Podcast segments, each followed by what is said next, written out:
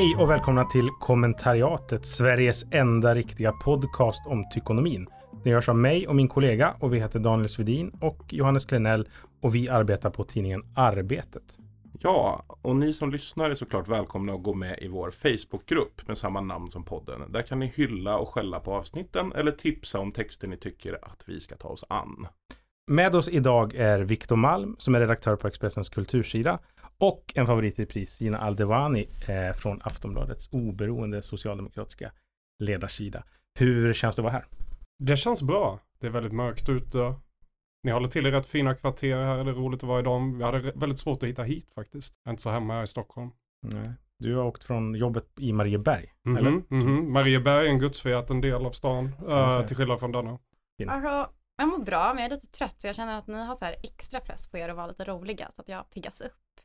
Så att Nej. du känner dig underhållen. Exakt. Okej. Och så att jag kan underhålla er. Mm, bra. Idag så ska vi prata om den här gynnaren. Det är exempelvis inget problem att det gäller andra normer på en gothklubb än i en heraldikförening. Men först så ska vi tillbaka till hiphopens värld där du Johannes befann dig förra veckan, eller för förra veckan blir det, när jag var på S-kongressen. Vi ska läsa en text av vänsterdebattören Kajsa Ekis Ekman som handlar om rapparen Doggy Doggelito. Han är tydligen cancelled som det heter. Den här blev publicerad i Dagens ETC den 7 november i år. Eh, Och rubriken är Det här är strategin när nassarna hyr in Dogge. Jag börjar med att läsa eh, ingressen. Att Dogge personifierat antirasism sedan 1993 är inget hinder. Extremhögern tänker nämligen inte det här är ingen äkta rasist, utan devisen är tycker du lite som vi? Kom hit. Poängen med kontakten är endast att göra personen radioaktiv för sina gamla fans. Vad tror ni om det här? Först vill jag bara säga, när du sa att vi skulle prata hiphop Mm. så tänkte jag, va, skulle inte vi prata om Dogge? Så här, eh, jag kopplade liksom inte, men eh, Du är för ung. Nej men jag tror inte att det handlar om att jag är för ung men jag har liksom, eller jo lite, lite för ung kanske. Också att jag alltid har eh, kopplat ihop honom med så här, han säljer väl cyklar och har väl, gjorde väl musik som var viktig då. Men jag har inte riktigt satt honom som en sån här vänstersymbol direkt. Eller hiphoppare. Ja men hiphoppare, det måste jag ändå ge honom faktiskt. Det Ja. vore historielöst annars. Jag ska läsa lite ur texten så ska vi diskutera stycke för stycke vad, vad det egentligen är Kajsa Ekis Ekman har skrivit. Citat. Han säljer sig till högstbjudande och lägstbjudande. Han är inte lojal med någon och hans närvaro betyder ingenting alls för en arrangör. Är det inte lite tillvaron för en vanlig frilansande kulturjobbare han beskriver här?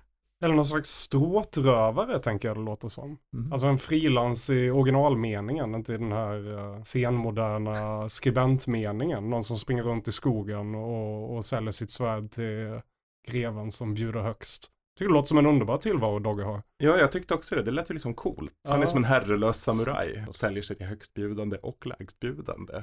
Och finns på Memo. Mm. Vad är Memo? Ja, det måste jag förklara. Eh, det är en tjänst där man kan be kändisar att spela in videohälsningar till, till en. Hej! Carl-Jan Granqvist heter jag. Och jag kan hjälpa er att gratulera de ni håller kära eller vill skicka ett meddelande till, vad du nu än kan vara. Jaha. Och där kan man, till exempel Peter Forsberg vet jag finns där, kostar jättemycket att få en hälsning från honom. Vad tror du en av mig skulle kosta? Jag tror man sätter sitt pris lite själv och det är ju ganska deppigt när man tittar där för då, då folk blir väldigt mer medvetna om sitt marknadsvärde tänker jag. Eh, Dogge tror jag gör väldigt många eh, och tar ett ganska lågt pris. Jag tror Glenn Hysén-index är 200 spänn. Ja, Jag hade provat att lägga ut mig själv för en 20. Vad Ja, hade ni gjort? Vad hade ni tagit? ja men en 50-lapp har väl jag tänkt att jag skulle kunna. Ja, ja, ja, ja. Jag, kan inte sätta ett pris på en gratulation från mig faktiskt. Du kanske inte vill ha liksom en mellanhand heller som sköter den delen. Exakt så. Jag, jag är ganska, jag är väldigt, väldigt eh, fascinerad av Memo och går ofta, ofta in och tittar vilka som finns där egentligen. Ja men eh, alltså att, att folk faktiskt kränger sig själva på det sättet fascinerar mig. Trots att vi väl är i en, i en tid där alla liksom gamla barriärer mellan kändis och okändis har, har rämnat på något sätt. Men att man faktiskt måste ut och sälja sitt face för 50 spänn. Men jag vet inte, alltså ska jag vara seriös så tycker jag inte att det är ingen som tvingar någon på riktigt i det här landet att sälja sig Ja, under corona, högstbjudande. Nej, nej, Vadå? Jaha, är du kulturarbetare? Buhu! Ja men skaffa ett annat jobb så länge då som typ behövs. Alltså- Jag trodde att Memo var lite coolt. Ja men nu pratar jag inte bara om memo. Jag, jag har liksom tänkt att det är så här en rätt kul grej. Jag har ju alltid tyckt att S borde göra samma sak med Anders Ygeman. 200 spänn, du får ett telefonsvararmeddelande där han berättar. Ja, vi kommer naturligtvis att prata med Ulf Kristersson och andra företrädare för andra allianspartier. Men vi har ju också gjort tydligt att vi inte avser att vara stödparti åt alliansen och därmed konservera blockpolitiken och konservera den på ett sådant sätt att det, det mindre blocket skulle regera. Kan ersätta lotteriet med det? Ja, Mm, verkligen. Ja. jag hade köpt det. Men usch, man vet ju aldrig vad han skulle säga. Men man, det beställer man du. beställer väldigt tydligt vad Vadå, man, så man får bestämma vad Ygeman ska säga? Nu är han ju inte på man, men i teorin så ja. Det är ju Eh. inte optimalt för sossarna va? Det är det ju inte. Jag såg att Dogge hade gjort en, en reklamfilm på Facebook för någonting som var helt jättekonstigt. Någon liksom outlet i Skara. Och det såg väldigt mobilfilmat ut. Så jag tänker, här har någon liksom på Memo bett honom, kan du göra reklam för min firma? Och det, ja, det- det stärker väl Kajsas Ekis Ekemans tes att han gör, han gör vad fan som helst. Det känns i och för sig som att det skulle vara mindre riskfyllt för sossarna om andra bestämde vad han skulle säga. En- En sista liten utvikning om Memo. Att när jag tittar runt, när jag tittar runt där så, så Harald Treutiger verkar så jävla sympatisk måste jag säga. Så Men han är ju den bästa programledaren Sverige har Ja, haft. ja, Absolut. ja, precis. Rakt genom tvn, rakt genom mobilskärmen och han gör så här första hälsningar. Hallå Bengt. Eh, Din son sa att du fyller 60. Oerhört trevligt. Själv är jag 62 eller vad han kan vara. Jättesympatiskt. Nu går vi vidare. Obehagligt Nej, intimt. Jag- underbart. nej. Jag kan faktiskt säga att min brorsa gav en födelsedagshälsning till, från Martin Mutumba till min andra Det är brorsa. det är fint. Och det var det finaste jag har hört. För Ja. Martin Mutumba bara gaggar på. Mm. Jättelänge. Jag har hört att du är en schysst kille. Jag har hört att du är väldigt intresserad av olika saker. Det är väldigt roligt. Jag hoppas att du får en fantastisk, fantastisk födelsedag. Det är en fotbollsspelare sin hand. Jag vet, men det känns som att du dödade ju allting. Så nu kan inte jag kritisera det här påhittet alls. För nu säger du, min brorsa och det här var så himla gulligt. Och nu kan inte jag säga någonting om det. Ja, tack. Men jag hade på riktigt blivit jätteglad om jag fick det där. Ja, vad bra. Och nu kan inte jag säga någonting annat om det. Men nu går vi vidare med texten för nu pratar vi inte mer om Memo. Eh, rycket är extremhögerns mest framgångsrika strategi och går ut på att försöka etablera kontakt med alla som har någon liten åsikt som kan överensstämma med deras. Det kan handla om vaccin, sjöfyllerilagen, yttrandefrihet, konst. Vad spelar ingen roll. Bara kontakt har etablerats. Men där funderar jag på liksom, är den här strategin verkligen så genomtänkt? Är det inte bara så att extremhögern är som en desperat fem i tre-raggare som försöker med precis alla? Fint att du säger fem i tre och inte typ fem i fem. Jag är inte från Stockholm, vi hade inte fem ställen där jag kommer ifrån. Ja, just det. Men eh, nej, men det är, jag vet inte om det är en uttänkt högerextrem strategi. Men det är ju faktiskt så att högern har lättare att enas i olika frågor. Att de behöver inte hålla med varandra överhuvudtaget. Och sen så hittar de en liten detalj någonstans. Um, och så håller de med varandra och lyfter den delen där de håller med varandra. Det, så det är, jo, jag skulle visst säga att det är en slags högerstrategi. Om man kollar i USA så har det också varit så. Um, där är ju högern väldigt splittrad, men sen plötsligt så är alla pro-life och då kan man strunta i allt annat som man inte håller med varandra i. Så det är de faktiskt bra på. De är bra på att lyfta varandra också för eh, de små likheterna som de hittar. I, i Maud Olofssons självbiografi Jag är den jag är, som jag väldigt ofta återkommer till, då berättar hon ju om, om just eh, homoäktenskapen, hur alliansen fick igenom det. För det kunde ju liksom inte KD ställa upp på då. Och då bestämde sig de andra bara för att de sket i KD och så gick de bara vidare. Och så var det liksom ingen som pratade mer om det efteråt heller.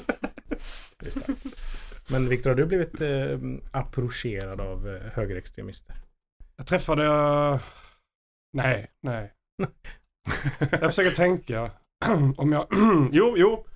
Eh, jag tänkte gå på rättegången en gång. En rättegång en gång när uh, Aron Flams bok stod åtalad. Men jag var så jävla nybörjare på att vara journalist då att jag inte riktigt fattade hur det funkade med presslägg och hur man liksom ställde upp sig på någon lista där. Jag, vet inte, jag kände mig allmänt lost. Det var också samma dag som jag anställdes på Expressen faktiskt. Eh, och då när jag kom in där så var det förstås fullt av liksom, ja, men alternativ medier. Jag vet inte om de är höga extremister, men de var där liksom. Och då var det väldigt många som ville utbyta visitkort, vilket jag också saknade. Så, har ni Mm. visitkort? Nej, och det är också en sån där sak som jag har plågats av i hela mitt arbetsliv, att jag aldrig fixat något. Ja, men jag hade i alla fall inget att ge tillbaka, så det blev inte särskilt så här, det blev inte så ömsesidig kommunikation den gången. Men jag vet inte om det räknas approcheras, alltså för, för det jag undrar över med den här passagen är liksom empirin. Ja, Dogge var på den här mässan och Mm. skulle bli utsatt för det här rycket som bara får mig att tänka på någonting plågoandra gör med kalsonger i Ja. filmer. Men har det hänt andra? Vil- Vilka har utsatts för det här? Eh, Har nej, du jag varit med om det Daniel? Rycket? Nej, jag tror inte det, men jag har nog inte liksom intagit någon sådan position. För det låter ju som en bra strategi. Mm. Verkligen. Men det finns en motstrategi också. Och den kommer här. Rycket är dock helt verkningslöst utan vänsterns motdrag. Trycket. När de högerextrema etablerat en kontakt med någon reagerar nämligen många inom vänstern automatiskt med att trycka ut personen. Hädanefter kommer han inte bli inbjuden till deras event.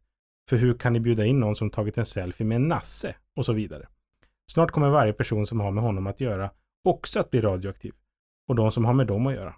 För vänsterns devis är tyvärr Tycker du inte exakt som vi, ut härifrån. Personen blir snart isolerad och kommer att reagera med bitterhet. Vad fan, här tänker man bara högt om vaccin är bra eller inte och så ska de utesluta en. Att bli lämnad ensam är inte något som någon människa är gjord för. Och vilka är då där med öppna armar? Jo, de högerextrema. Här undrar jag, liksom, är vänstern verkligen så överens om sjöfylleri och vaccin och yttrandefrihet och konst. Det, som läsare av kultursidor uppfattar jag att det finns, särskilt om konst och yttrandefrihet kanske, lite konflikter ändå. Och finns det bara de här två gemenskaperna? Vänstern och högerextremismen. Uh, ta, ja, men, ta ett sentida exempel om yttrandefrihet så är väl Lars Vilks toppen. Mm. Folk hade väl en, i alla fall två händer fyll, fulla av olika åsikter skulle jag säga. Och, och det inkluderar förstås eh, liberala och högerskribenter också. Men jag uppfattar inte, i synnerhet inte vänstern som, som särskilt homogen i sina åsikter. Egentligen inte högern heller.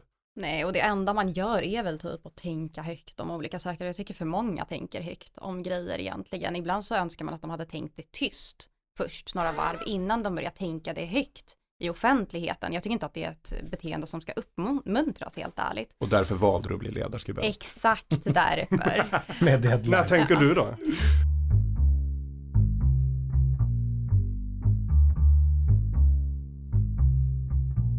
Däremot det här att folk blir cancelled, jag vet inte riktigt hur mycket de blir det. Ibland så kan man ju säga att, ja ah, men eh, Ann Heberlein till exempel, hon blev cancelled och så ser man henne, sist jag såg henne var en timme i SVT när hon skulle prata kyrkoval. Är det att vara cancelled? Men du som tillhör vänstern får man väl säga, du borde väl känna igen det här att eh, de man grälar mest med inom vänstern är ju andra vänsterpersoner. Om allt möjligt, utan att de för den sakens skull. Nej, vet du, vad rasist. man, vet du vad man grälar mest med? Nej. Egentligen så är det ju de som man så här, tycker, eller så här funkar jag. Jag blir nog mest arg och grälar mest med på de personerna som jag respekterar mest intellektuellt.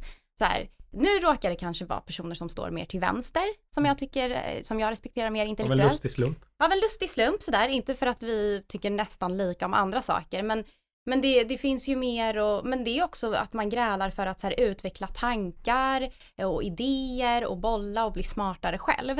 Eh, sen så är det ju inte alla som tycker om den här eh, bråkiga stilen, men då kanske man inte ska vara, ha ett sånt jobb. Vi har känt varandra i flera år. Vi har aldrig grälat. Nej men vad, Vad säger det om oss?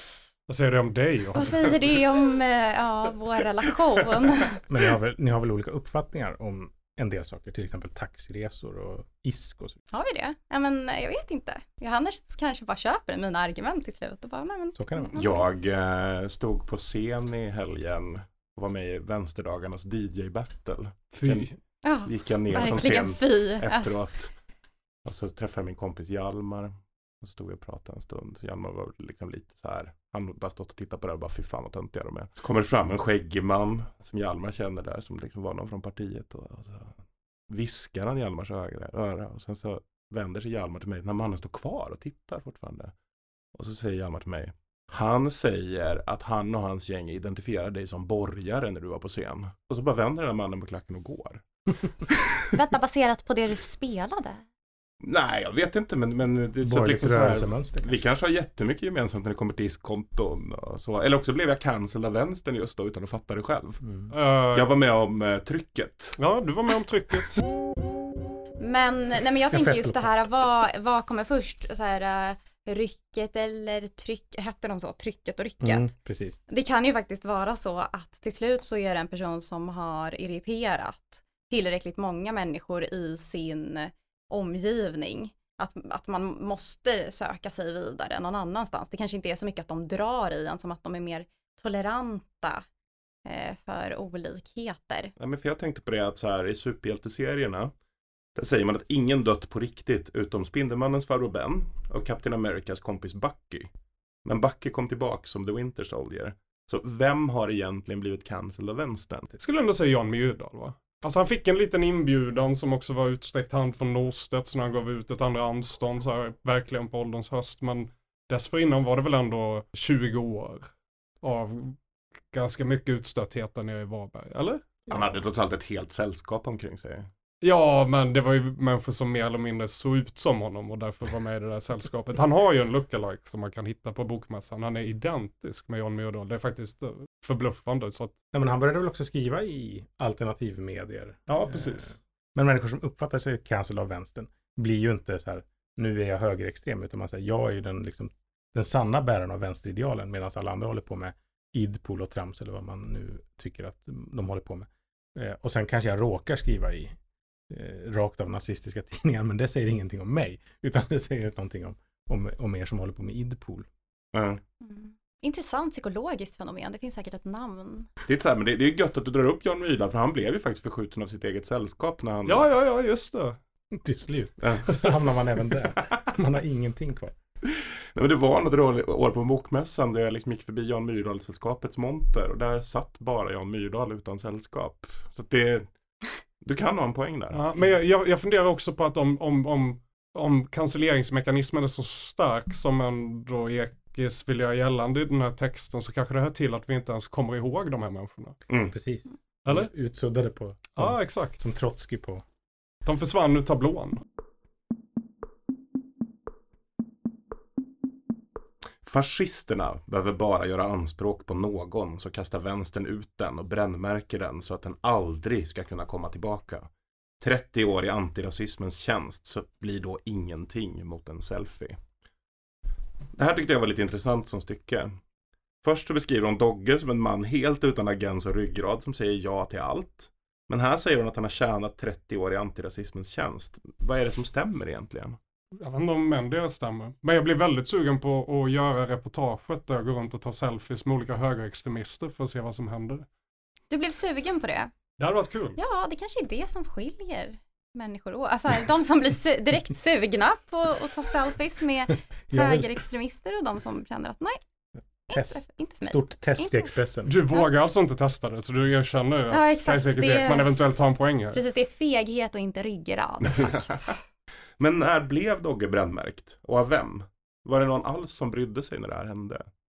Alltså det enda jag minns är att det blev lite prat när han började kränga cyklar. Men det är ju hundra år sedan. Ja, exakt. Verkligen. Och har han gjort någonting sedan dess som är minnesvärt? han, har gjort, han har gjort det här till exempel.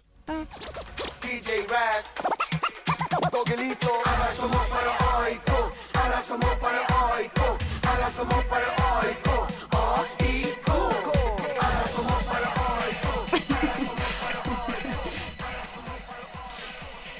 Ja, vad ska han bli cancelled från? Hammarby? Det förtjänar han i så fall. Eller AIK kanske förtjänar att straffa, eller både straffa Ja, jag fattade inte om det var... Det var Jo, det här ja. är, det här är Dogges eh, AIK-låt som han har gjort med Raz. Känd från Robin Raz. Alltså mot AIK eller Nej, för AIK? mot, antar, det är för, det är antar att det är för. Okej. För alla som hoppar är AIK.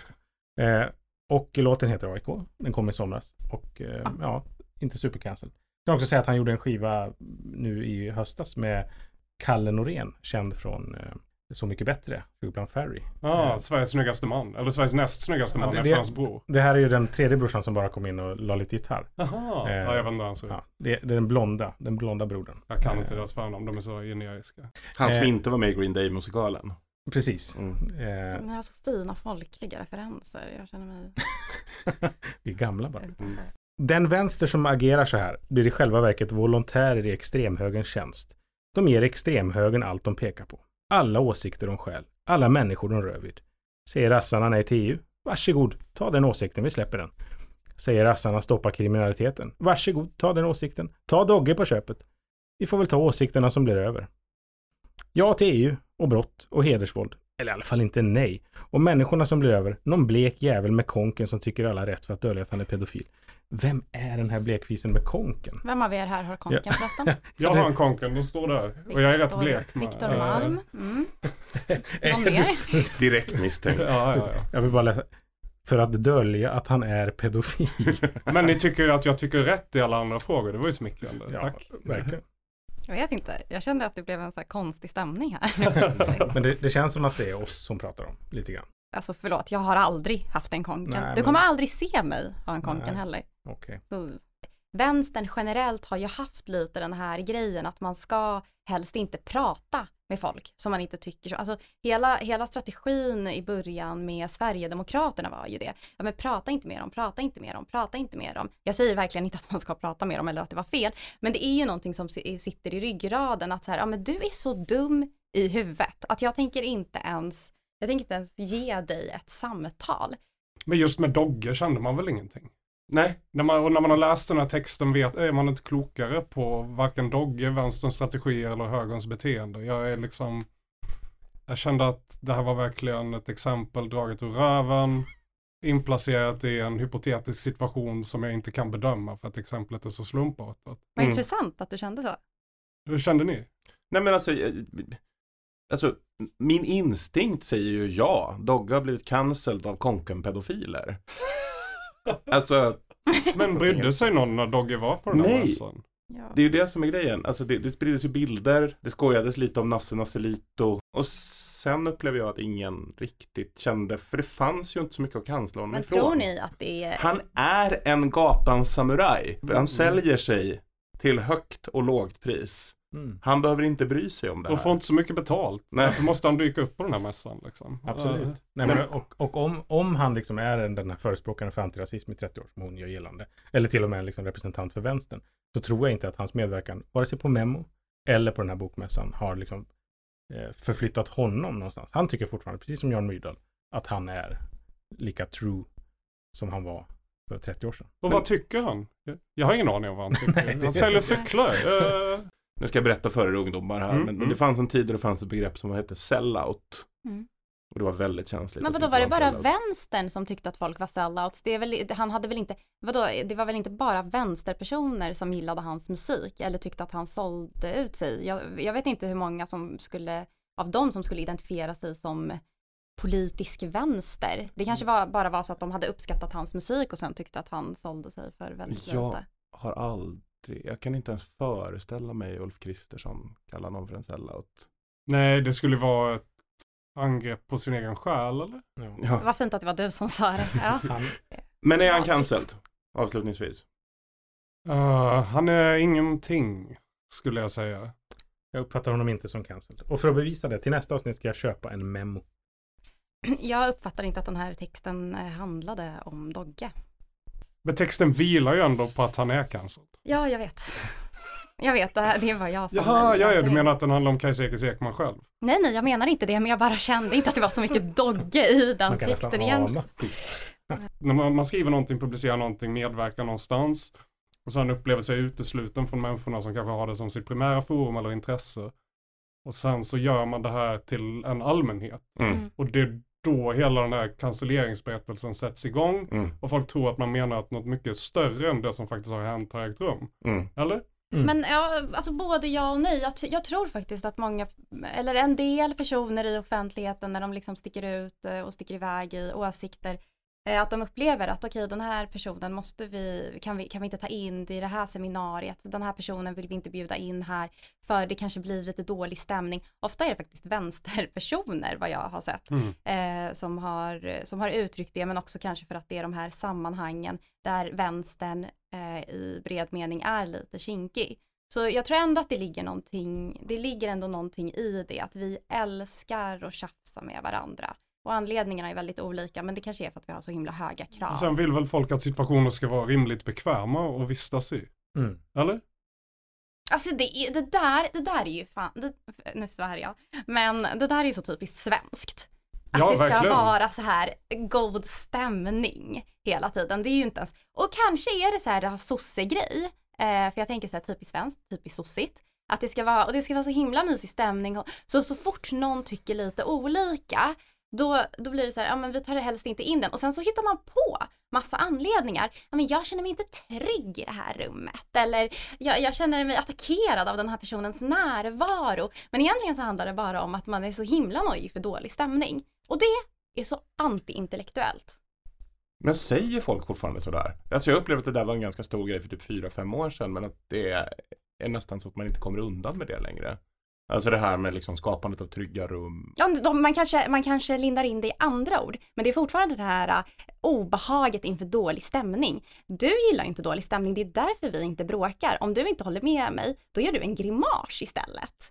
Alltså jag, jag märker ju, alltså, nu håller han inte med mig, men jag kan ju inte tjafsa mot en grimas och då dör ju det.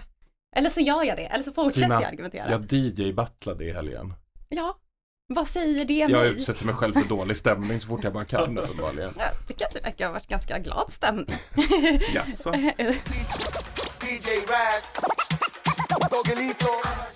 Nu ska vi tillbaks till den här killen. Jag heter Henrik Jönsson och jag är en oberoende libertariansk entreprenör och samhällsdebattör. Och idag är jag här för att bilda dig. Han är libertarian som blivit rik på hemkörning av pizza. Han är youtuber och han har satt i system att låta vilken borgare som helst samtala med Jan Emanuel Johansson. Det här är Henrik Jönssons text. Kollektivismen blir inte bättre när den är konservativ. Dagens samhällsproblem beror inte på den så bespottade marknadsliberalismen utan på den aktivistiska kollektivism som likväl föreslås som lösning.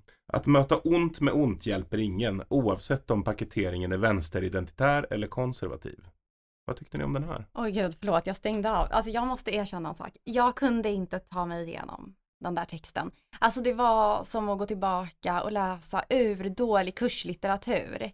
Ehm, Nu tycker jag du är elak mot kurslitteratur. Dålig? Jag sa dålig kurslitteratur. Varför känner du dig träffad? finns bra kurslitteratur, finns dålig. Nej, men jag hade, jag hade liknande problem eh, med att ta mig igenom den. Eh, det, var, det var svår läsning helt enkelt. Inte på grund av att den använde svåra ord eller resonerade på ett sätt som övergick mitt förstånd, utan det var liksom bara hur meningarna hängde ihop. Ja, för du förstod den så. Du, du bara, jag är smart, jag förstår den. Nej, jag vet inte riktigt Nej, vad du den vill säga. tråkig. Någonting om att radikalismen kommer göra oss fattiga igen, tror jag. Eller? Jag tror det. Eh, jag ska börja läsa textkort för att se om, om jag håller tungan rätt i mun. Jag ska försöka artikulera och läsa sakta. En fiskare fångar en magisk flundra som i utbyte mot att återfå sin frihet uppfyller allt fler av fiskarens hustrus hisnande önskningar. Flundran ersätter först parets fiskestuga med en villa, sen villan med ett slott.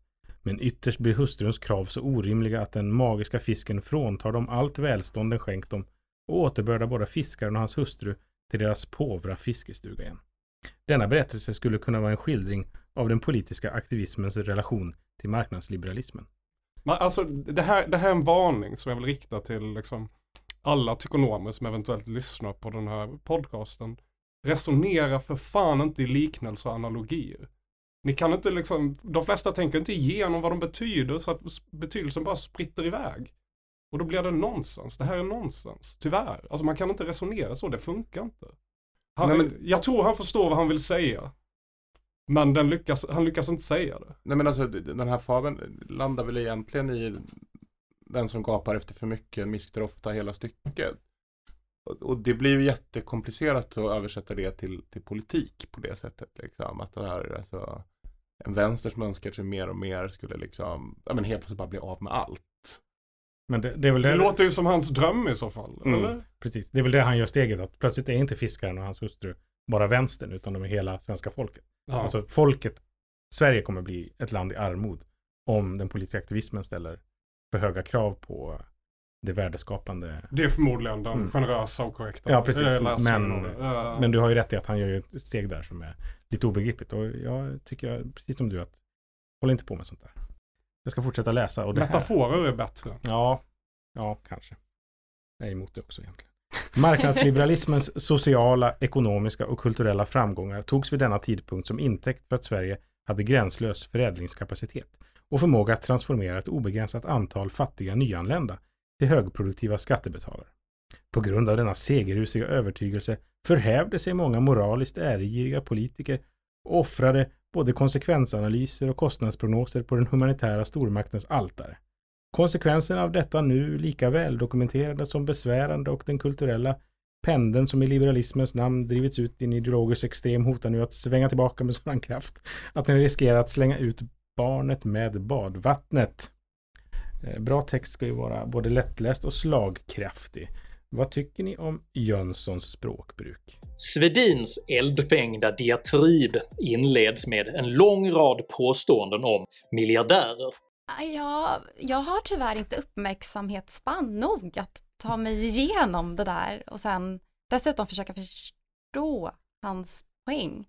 Det är det här när man blandar, nu, ska jag, jag ta tillbaka min plädering för metaforen här, för att han blandar ju två metaforer i ett av styckena där, som är att en kulturell pendel som i liberalismens namn drivits ut i en ideologisk extrem hotar nu att svänga tillbaka med sån kraft att den här pendeln riskerar att slänga ut ett barn med badvattnet.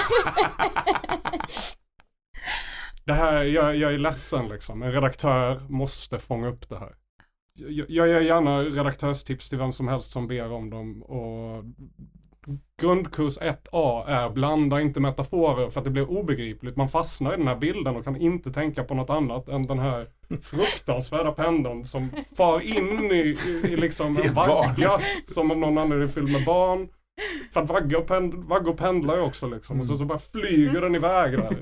Alltså jag kan inte sluta tänka på det, då glömmer jag bort innehållet. Men, men Viktor, alltså du brukar ju framhärda att eh, Magnus Lintons bok Text och stil är ett riktigt föredöme. Ja. Platsar den här texten i det sammanhanget? I föredöme för hur andra Ska borde- skriva? Nej, nej, nej, nej, nej, nej, nej, nej, nej, nej, nej. En viss typ av borgerlig eh, skribent som gärna i, också i sitt levande vill approximera någon slags här bildad överklass. De lägger sig an med en viss stil, ett visst dekorum, att man ska gärna uttrycka sig med bilder, ganska överdrivna, uppdrivna, kraftiga bilder krångla in några halvakademiska, byråkra- semibyråkratiska ord och sådär. Det är någonting som utmärker varje form av liksom stilistisk gemenskap. Mm. Vänstern har också sådana problem. Men är inte det, beskriver du inte just nu kåkfarare brukar liksom börja formulera sig när har suttit och läst lite för mycket så här juridiksvenska? För då tenderar det också bli det här, liksom att du, du bara använder alldeles för avancerade ord som ingen begriper. Vad är din erfarenhet av det här? Kåkfararprosa. Kåkfararprosa, precis. Ah.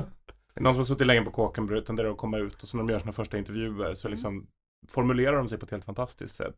För de Men det är helt så mycket domar och grejer och liksom blir Ja. skadade av juri, juridiska språkbruk. Men vad har han, den här, vad är han skadad av? Vad har han läst för mycket av? Ja, Jag, jag skulle tro att kanske inget särskilt. Men vänstern har ett liknande dekorumproblem. Att man gärna pratar om kroppen Mm. och olika kroppsligheter som texterna kan sprängas in i hjärtan och erfarenheter och sådär. Och akademiker som läser för mycket poststrukturalistisk teori kan börja försöka skriva som Foucault liksom. Det, det, de här problemen finns liksom i alla språkliga gemenskaper där man också delar åsikter. Så jag vill egentligen inte lägga allt för stor skuld på Henrik Jönsson. Han är liksom, han är ett symptom i just den här texten åtminstone på ett enormt språkligt samhällsproblem. Det låter som att du har dåligt samvete. Alltså det känns som att, nej, för när du säger sådär, det låter som att du ser ner på honom så pass mycket att du kan inte ens, du kan inte ens kritisera honom. Du tycker typ synd om honom, men du vill inte vara för taskig, för ni står ändå i samma liksom så här högerlag på något sätt. Så, Spelar jag i ett högerlag? eller? Jag vet inte. Eller jag vet inte Jag heller. tycker med- det mest intressanta liksom, lojaliteten här är väl Skåne, tänker jag. Och då, där undrar jag, i vilken del av Skåne är diatrib en levande del av språkbruket? Eldfängda diatrib. Absolut ingen. Vad betyder det? Eh, det betyder väl någon form av attack. Mm. Eh, en, en liksom verbalt uppdriven och eh, engagerad attack. Jag är från Göingeskogarna delvis och jag har aldrig hört någon säga diatrib där. Har ni skog i Skåne? Ja för fan. Alltså löv, grejer, vildsvin. Eh, Diatrib var ju taget från Henrik Jönssons YouTube-kanal. Där beskriver han Daniel Svedin så här. Att klandra dem man inte gillar för naturvidriga excesser är som sagt inget nytt demagogiskt påfund. Men i Sverige är just nu statsminister Stefan Löfvens före detta talskrivare Daniel Svedin obestridligen nationell mästare i populistisk vulgaritet. Grattis till mästartiteln Daniel. Tackar, tackar. Hur känns det? Jag är lite överraskad av det här eftersom jag tänker att det är väldigt få som vet vem jag är. Jag tror till exempel inte att Viktor vet vem jag är. Vilken Viktor? Den här Viktor som Ja, Den här här. Viktor. Jo då.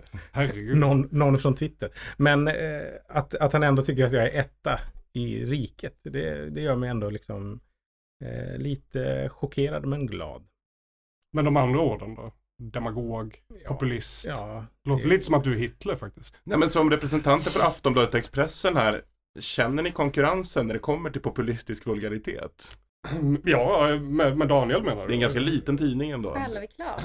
Eh, ja, absolut. Vulgaritet är någonting jag generellt sett excellerar i. Så att, Det här ja, brukar vi ju ta upp på våra möten jämt. Att Nu, nu, nu ökar vi. Nu är Daniel demagogisk igen, Ja. nu måste vi ta i. Exakt. Men vad tror ni om eh, det här mästarprovet? Så kallade “rika knösar” påstås pressa hederligt folk på skattepengar för att kunna förvandla sin egen avföring till guld. Samtidigt som de rusigt bälgar i sig vodka som buteljerats drypande från fotomodellers skälvande silikonstinna barm. Det där var jävligt bra. Men det här, Det låter, där inte, bra. det här låter ju inte klokt Daniel. Hur fan tänkte du här? Det, han tolkar ju då en text som jag skrev i maj om där jag försökte eh, exemplifiera rika människors excesser och så tänkte jag nu ska jag hitta lite olika konstiga saker som rika människor gör. Då hittade jag att det finns liksom ett destilleri som tappar upp eh, vodka i- där det först har hällts då på kvinnors barm. Eh, som, som erotiskt eh, skälver av att säga. Jag är glad att han har tolkat eh, att han, ja, han, han, han blir väldigt eh, uppfylld av det här. Men tycker du själv att han gjorde texten sämre eller bättre? Jag tycker nog att han gjorde, alltså ur sitt perspektiv gjorde han nog texten bättre. Han, han vill ju göra ner mig. Hela den här inslaget sen handlar ju om att jag har fel i sak, att jag har massa sakfel i texten. Men att han, för jag är ju lite mer klinisk i min beskrivning av det, av det kroppsliga. Eh, Han har ju skälvande och silikonstinna skriver inte jag i min text. Så han, Synd. alltså inte, Tycker jag också. ja, Men han gjorde sig ju verkligen bättre i det här ljudformatet ja, skulle jag säga. de rullande R'n har ju något. Ja. Ja, men här har han faktiskt något helt unikt, måste jag säga. Jag kan förstå att han når sån jävla framgång på YouTube, för att det låter kul att lyssna på. Alltså, jag lyssnade igenom ett gäng, eller jag såg igenom ett gäng YouTube-klipp inför det här. Det var, alltså man kan tortera fångar på Guantanamo Bay med det. Men Mm. just det här avsnittet, fenomenalt. Faktiskt, mycket då på grund av Daniel. Och, och liksom vad, vad, vad han ser i Daniel. För att det, det händer ju grejer här. Svedins text utgör dock bara ett underhållande exempel på en mycket större vänsterpopulistisk kommunikationstrend, vilken med stor sannolikhet koordineras från Socialdemokraternas partihögkvarter på Sveavägen 68. Och här, här vill jag ändå liksom förklara för alla. Det här med Sveavägen 68 hör man ju som vänsterdebattör. Det vet Sina också. Och säkert du också Johannes. Och kanske även du Viktor. Att du någon gång har gått i ledbandet till Socialdemokraterna. Nej, det tror jag inte. han var höger. Okej. Eh, Första gången jag har fått eh, en, en skalbeteckning kastad på mig i någon situation överhuvudtaget. Eh, Jag har varken blivit Nu? kallad höger eller vänster. jag Aha. försöker skriva in det i den gemenskapen. Men då är man ju oftast höger i och för sig. Det är möjligt, men... eh, Allmän borgerlig. Men jag vill ändå, Mm. jag vill ändå liksom säga det. Sveavägen 68 sitter det inte en käft på. Det är liksom en utbombad kontorslokal. Där det inte finns någonting. Eh, det sitter en partisekreterare där och skallrar ibland. Det, det händer ingenting där. Vill ni liksom säga till oss att vi går i något ledband så prata om att vi liksom är det socialdemokratiska riksdagskansliet eller regeringskansliet. 68 har ingen kapacitet att ge order till någon. Men regeringskansliet funkar ju bara i regeringsställning väl? Ja, precis, men då kan man prata om, än så länge så är det liksom Socialdemokraterna som organisation styrs från riksdagen. Det finns ingenting borta på Sveavägen. Bara en liten, om ni vill förolämpa mig eller någon annan igen, prata inte om 68. Men det är fortfarande en bra bild. Det är det ju verkligen. Nej, men det är ju Ja. en, det är väl som, jag vet inte, ja, Kreml. Att Mm. bara säga det, det är starkt. Det var marknadsliberala reformer som skapade det moderna Sveriges välstånd och rikedomar. Ändå är det nästan uteslutande marknadsliberalismen som beskylls för landets politiskt förvållade samhällsproblem. I vilken värld lever Henrik Jönsson? Har han helt missat att det är invandringen som är roten till alla problem? Det är väl det vi pratar om? Man kan väl vara vänster och acceptera båda de utsagorna samtidigt. Att eh, det är Marx liksom, är det inte? Vänta, hur är det Marx? Kapitalismen är det Sa du Marx bäst- eller Marx förresten? Marx. Nu blev det en sån här dialektgrej. Marx. Marx. Marx. Kapitalismen är det bästa och det sämsta som har hänt. Det är en ganska korrekt tolkning av Marx skulle jag säga. Det är så den lever vidare i kritisk teori under 1900-talet liksom, hos Adorno och hos Jameson. Jag tycker inte att det var så kont- alltså om, om, en, om en vänsterperson har den uppfattningen så kan man, man, man kan väl acceptera att ja, men marknadsliberalismen skapade ett ganska förunderligt välstånd men har också orsakat de här de här problemen. Mm. Till exempel en hela tiden, kanske faktiskt med marknadsliberalismens utveckling, ganska proportionerlig ökande mängd koldioxid i atmosfären. Det är liksom ingenting någon skulle ha så svårt att erkänna, eller? I boken Capitalism, Socialism and Democracy från 1942 beskriver Schumpeter denna tjänstemannaklass utförligt. De kommer att betrakta sig själva som kritiker av den rådande samhällsordningen och kommer att varna för faror och orättvisor med kapitalism och individualism. De kommer att betrakta sig själva som de svagas inom citattecken beskyddare och i sinom tid kommer de också utgöra en majoritet inom statsförvaltningen, medierna och inom utbildningssystemet. Det vill säga att de inte längre behöver avlönas av marknaden utan av de enorma offentliga medel som näringsliv och hårt arbetande människor inom produktiva sektorer ställt till deras förfogande. Alltså, jag, jag, jag vill liksom inflika lite liksom för att haka på dig där Viktor. Har inte marknaden rätt stora problem med sitt eget konsultsamhälle? Som kan beskrivas på exakt samma sätt. Jo, Alltså, jag tänker det, verkligen. Det är liksom, släpper du marknaden fullständigt fri så kommer liksom Boston Consulting Group på köpet. Ja, ja, ja. ja. Alltså det kommer alltid uppstå människor som inte vill arbeta. Varför frågar du Viktor för? Är det för att du tänker att han är höger? Eller, och skulle ge dig ett Sa sånt hon lite misstänksamt. Nej, det var apropå det här med de bästa och sämsta av världar som kapitalismen Och så- ja. Vad han inte riktigt ser är att de här systemen kanske begränsar varandra i viss Mm, mån. mm. Liksom. Att visst, ett, ett, ett maxat byråkratsamhälle. Alltså Daniel skulle nog tycka att det var toppen till exempel. Liksom en klassisk liksom, socialdemokrati, jättemycket tjänstemän överallt. Verkligen. Ingen Boston Consulting Group. Alla har partinål. vilken med stor sannolikhet koordineras från Socialdemokraternas partihögkvarter på Sveavägen 68. Kapitalismen utvecklar ju exakt samma bristfälliga system. De kallas bara managementkonsulter istället. Absolut, och det här bara en liten passning. En av de liksom roligaste debatterna för ett par år sedan var ju när det kom någon rapport om liksom byråkratiseringen kring vinster i välfärden. Att så här, vi, en av liksom de bärande argumenten för friskolor var ju att så här, ja, men vi har stora byråkratapparater som sköter, alltså kommunens tjänstemän som sitter och eh, sköter skolan. Eh, det är jättedåligt, det är okänsligt för människor och alla är inte stöpta i samma form, vi måste bort från det här. Och så eh, 30 år senare så har man fått stora koncerner där man också måste ha den här typen av Mm. mellanskiktspersoner. Där som- våra skattemedel finansierar Alice Te- Teodorescu helt Ja, plötsligt. Men det är det Mark Fisher kallar kapitalismens stalinism. Mm. Den här capitalist realism. Ja men snälla någon, och det är liksom så här, och det beskrev Marx också för jättelänge sedan. Att så här, ja till slut så blir alla de här fria små företagen uppköpta och sen så kommer vi få stora koncerner som Mm. styr allting och då kommer det vara och då kommer man få välja typ så här, är det våra, vart ska våra skattepengar gå? Ska det vara så här offentligt stora finansierade eller ska de gå, i privat, gå till privata fickor? Och jag kan bli så trött, alltså att vi ens sitter och pratar om det här. Men det är också för att jag har ett sånt drag att jag är så här, aha okej, men nu sa faktiskt den här gamla personen det för typ några hundra år sedan. Måste ni komma på det när ni redan har sabbat allting? Socialdemokraterna, jag tittar på dig Daniel. Eh, det tycker jag kan vara lite frustrerande. För det är så här, ja det, det här var den enda naturliga och väntade utvecklingen. Nu pratar jag inte längre om Henrik Jönssons text, men jag drogs med lite. Men vad är det för jävla tjänsteman de har träffat liksom? Alltså, det låter ju skitjobbigt med någon som bara sitter och pratar om att den har förbättrat världen. Men det är liksom kanske inte riktigt min erfarenhet av liksom folk på Skatteverket. Och jag såg Riks, SD, SDs partiorgan på YouTube hade ringt upp Skatteverket just och frågat varför de skriver att eh, män kan få barn. Eh, rent jurid, alltså, sk- juridiskt kön pratar ju de om. Då. Mm. Eh, så att det finns väl liksom ett, ett drag hos liksom en, en högertendens i Sverige där man tycker att tjänstemännen sitter och vaktar den rådande ordningen. Jag tänker att min, min, min fördom om tjänstemän, och det är verkligen en fördom, det är folk som vill gå hem från jobbet. Det låter inte så produktivt. I någon mening är ju vi tjänstemän också. Det inte som... Eh, Men jag, har, varit- jag har ha varit eh, tjänsteman och myndighetsutövande Och du ville bara gå hem. person. Liksom. Och från de arbetsuppgifterna ville jag absolut gå hem.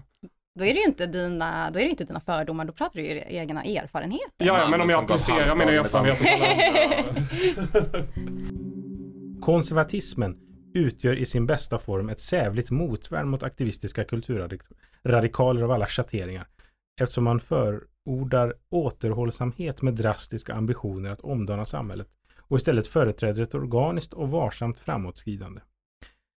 Det är därför angeläget att konservatismen i den rådande situationen, vilken länge präglas av relativt extrema aktivistiska ideal, försvarar denna förnuftstradition och inte faller för frestelsen att bli den existerande aktivismens högermotsvarighet.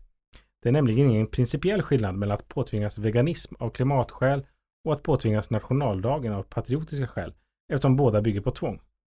Det här tycker jag var lite intressant eftersom den verkar tycka att konservativa bara ska vara eh, ja, men, nyliberalismens eller tokliberalismens eller den rådande samhällsordningens väktare som hela tiden ska slå tillbaka kulturradikalerna från, eh, från arenan så att säga. Men de konservativa uppvaknandet nu handlar väl om att de inte nöjer sig med det utan att de har egna politiska mål som även liksom handlar om ekonomin. Ja, men här framstår väl konservativa mest som någon sorts mysiga hemuler som Visst, går runt och liksom vårdar Mumindalen. Och kanske se till att saker inte ändras för fort. Mm. Alltså ändra grejer, men, men ta det lugnt. Liksom. Mm. Tänk efter. Hugg inte ner det där trädet innan du har kramat det. Typ. Ja. Eh, Ja men det är faktiskt sant Daniel, jag tänker också det att så här, nu är det ju mer som att eh, konservativa, de vill inte alls eh, behålla rådande ordning, de vill faktiskt förändra ganska snabbt visst. för att gå tillbaka, tillbaka citationstecken till någonting eh, som de anser är något äkta eller genuint. visst. J.D. J.D. Vance var ju på någon sån här konservativ eh,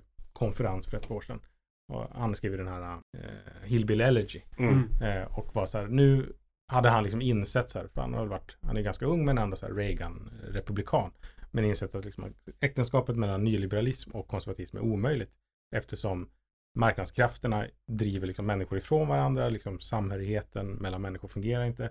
Barn tittar på porr, de tar knark. Det- går liksom inte längre att ha det här. Eh, det- Det här äktenskapet mellan de här två traditionerna är omöjligt. Alltså det finns ju en sån tendens, jag vet inte om den riktigt kommer till Sverige, men det kanske man kan säga. Att så här, det liberala och det konservativa måste gå skilda vägar. Om man ska vara tykonomisk, Herman Eftiger är väl den passagen i texten som är den verkligt betydelsebärande. Mm. Eller hur? Det, det här liksom markeringen inom högern sker, att eh, vi har ett problem. Revolutionära, konservativa kanske är felaktig beteckning. Har vi en synonym till revolutionära som ni kan hjälpa mig med nu? Reaktioner. Krigiska. Nej, men de vill ju förändra samhället och Mm. skapa ett nytt samhälle. Så är det ju. De är tvättäkta modernister även om de är konservativa liksom. Mm. Och det är väl någonstans det han försöker sätta upp en hand mot här, eller hur? Precis. Visst. Den, den här, ja precis, den rådande ekonomiska ordningen ska ni fortfarande försvara. Ja. För annars kommer ni bli, precis som genuskrigarna på Skatteverket. ja, och fattiga. Ja.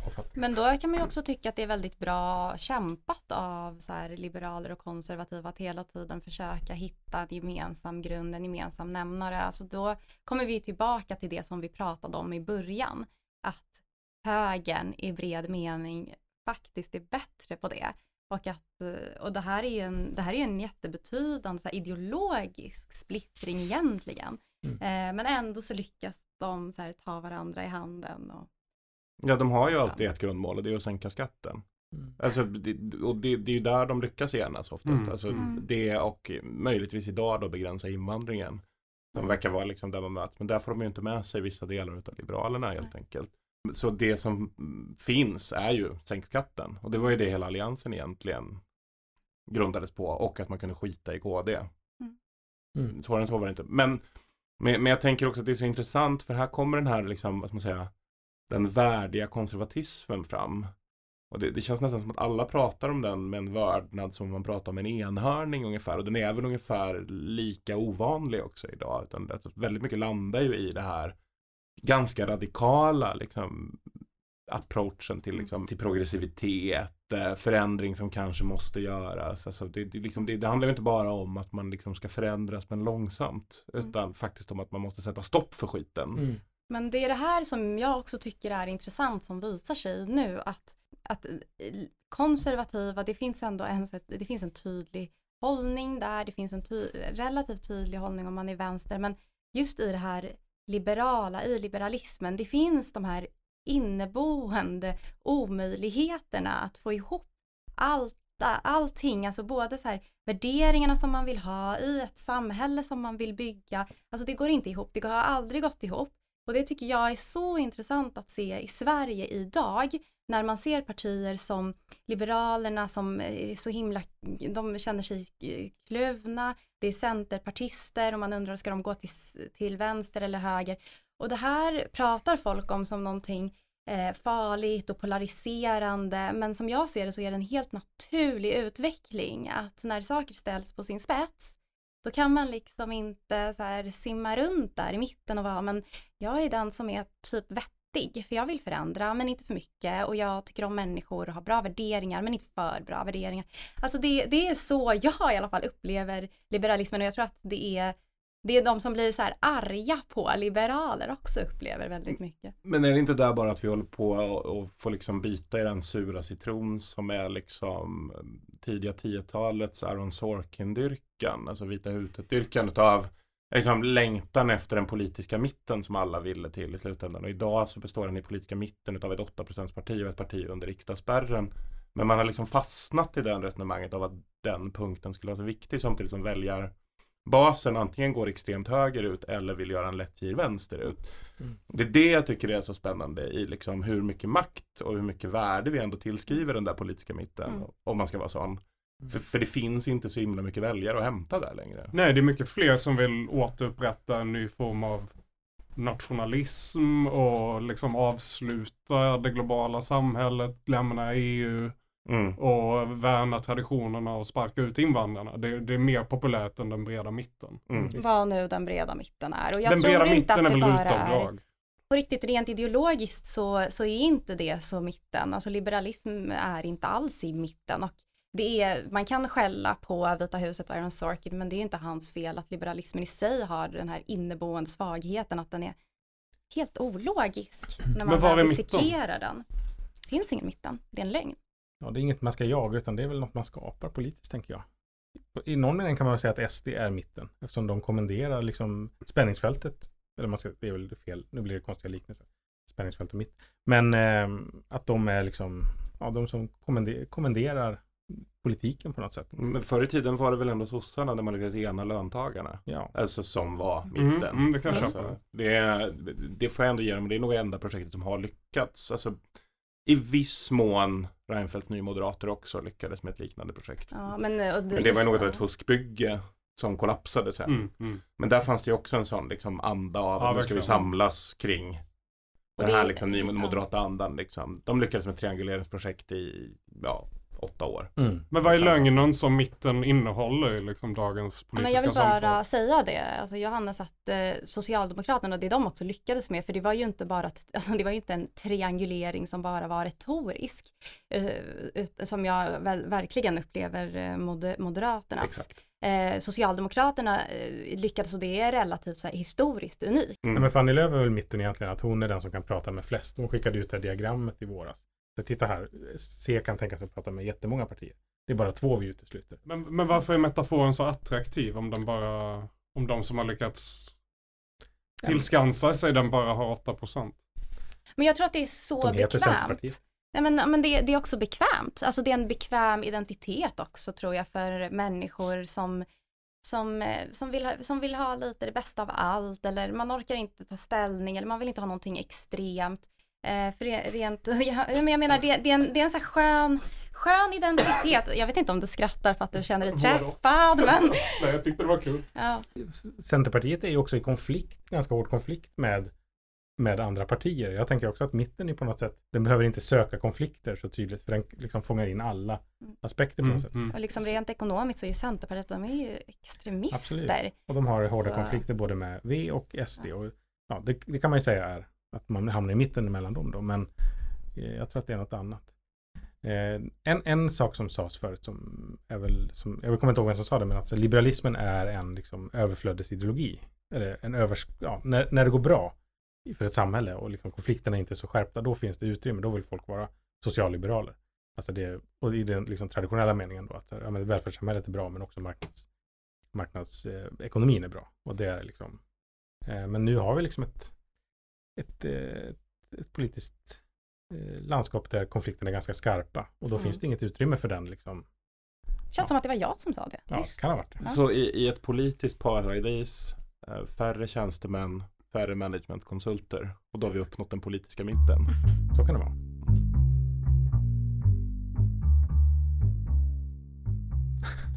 Men fler entreprenörer.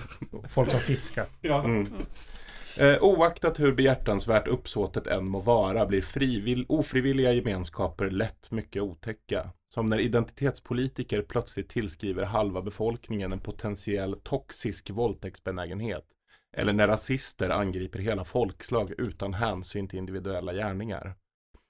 Eh, Det, tänkte jag att lite otäckare måste det väl ändå vara när rasister angriper hela folkslag än att bli kallad toxisk av typ Linnea Claesson. Du, jag tror att det kan vara en, alltså för här låter det lite som att Henrik Jönsson, han har varit på Tinder, någon tjej har kallat honom toxisk, verkar vara en grej nu. Och jag vill ändå inte underskatta hur, vilken hemsk ögonöppnare det kan vara för vissa, som kanske Henrik Jönsson, att bli kallade toxisk av en person som typ Linnea Claesson. Så jag vill ändå inte förminska den upplevelsen. Men jag, jag ville bara liksom ge ett annat perspektiv, alltså för han är inte här och kan försvara sig Nej. och då vill man ju ändå... Så du vill backa honom genom att påstå att han är toxisk på Tinder? Inte helt positiv syn på migranter kan man väl säga. Manliga migranter. ja, men varför ska vi kalla dem migranter? Det är en ofrivillig gemenskap som vi tvingar dem in i. Alltså han, det, det är så självundergrävande parti i texten det här. Mm. Man måste vara försiktig med vad man säger. Så här säger han också. Den som vill försvara den västerländska civilisationens välstånd gör klokt i att betrakta kollektivismen som sin fiende och marknadsliberalismen som sin vän. För hisnande krav och ideologiska önskemål riskerar annars att snabbt återbörda oss alla till vår påvra fiskestuga.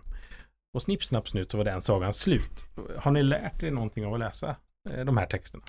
Inget som inte Jordan B. Peterson redan har lärt mig. Nej, jag skojar. Jag vet, nej, jag vet inte det. Uh, jag tror inte det. Jag, jag, är, jag är tacksam för, för den här uh, Ja, men den ganska, ganska upplysande formuleringen av en konflikt inom högern mellan, mellan konservativa och nyliberala och hur de ser på varandra egentligen. Det är väl vad den här texten faktiskt handlar om mer än de onda bråkiga radikalerna någonstans borta på en ö som eventuellt kan påverka vad vi gör. Jag uppfattar det som att det är m- m- mer intern högerdebatt än allmänpolitisk debatt det här, eller? Men, men vad är det de här konservativa skulle vilja ha mycket mer utav tills de förlorar allt? För det, för det greppar inte riktigt jag. Nej, nej, men nej. Nationaldagsfirande och... Mm. Men det är bara den här dumma, dumma yttre fienden som man behöver för att liksom markera att där borta är några som vill riktiga galenskaper. Så Mm. chilla, vi jobbar ihop liksom. eh, man, man behöver liksom, när man, när man ska organisera sina trupper, bör man peka ut en fiende, förstora upp laterna på den här fienden till så här överdrivna och rätt lätt löjeväckande dimensioner. Exakt. Eh, och sen, sen så vet man liksom, ja ah, men vi är inte som dem, så att vi har ju ändå någonting med varandra att göra. Vi borde förhandla fram en idé gemensamt. Alltså, och på så sätt tycker jag texten är ganska effektiv. Alltså jag har inte träffat dig tidigare, Viktor Malm, men jag är ändå i- alltså, imponerad över att du ändå tog dig igenom den här texten. Eh, Tänk vad han kan. Tänk vad du kan. Nej men för jag tyckte den var, det, det gick inte. Alltså, och den var så fruktansvärt tråkig. Men, eh, men ja, det är klart att det är intressant när eh, högern babblar om högern. Jag visste faktiskt inte vem den här Jönsson var. Eh, Är det för att han är skåning? lite trött. Ja, jag önskar att jag kunde skylla på det. Ja, för att knyta ihop säcken nu då. Stort tack till dig Viktor. Och till dig Sina. Tack, tack. Tack. För att ni har varit med här. Och glöm aldrig.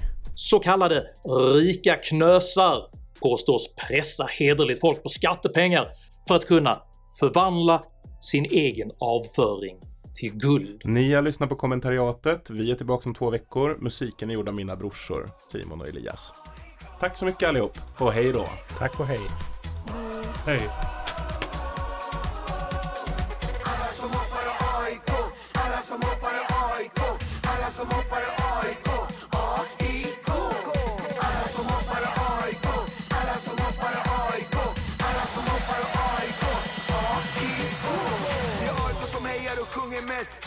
Vi vackrast, störst och bäst. Skrattar de andra, spelar balla. Vi sopar banan med allt och alla.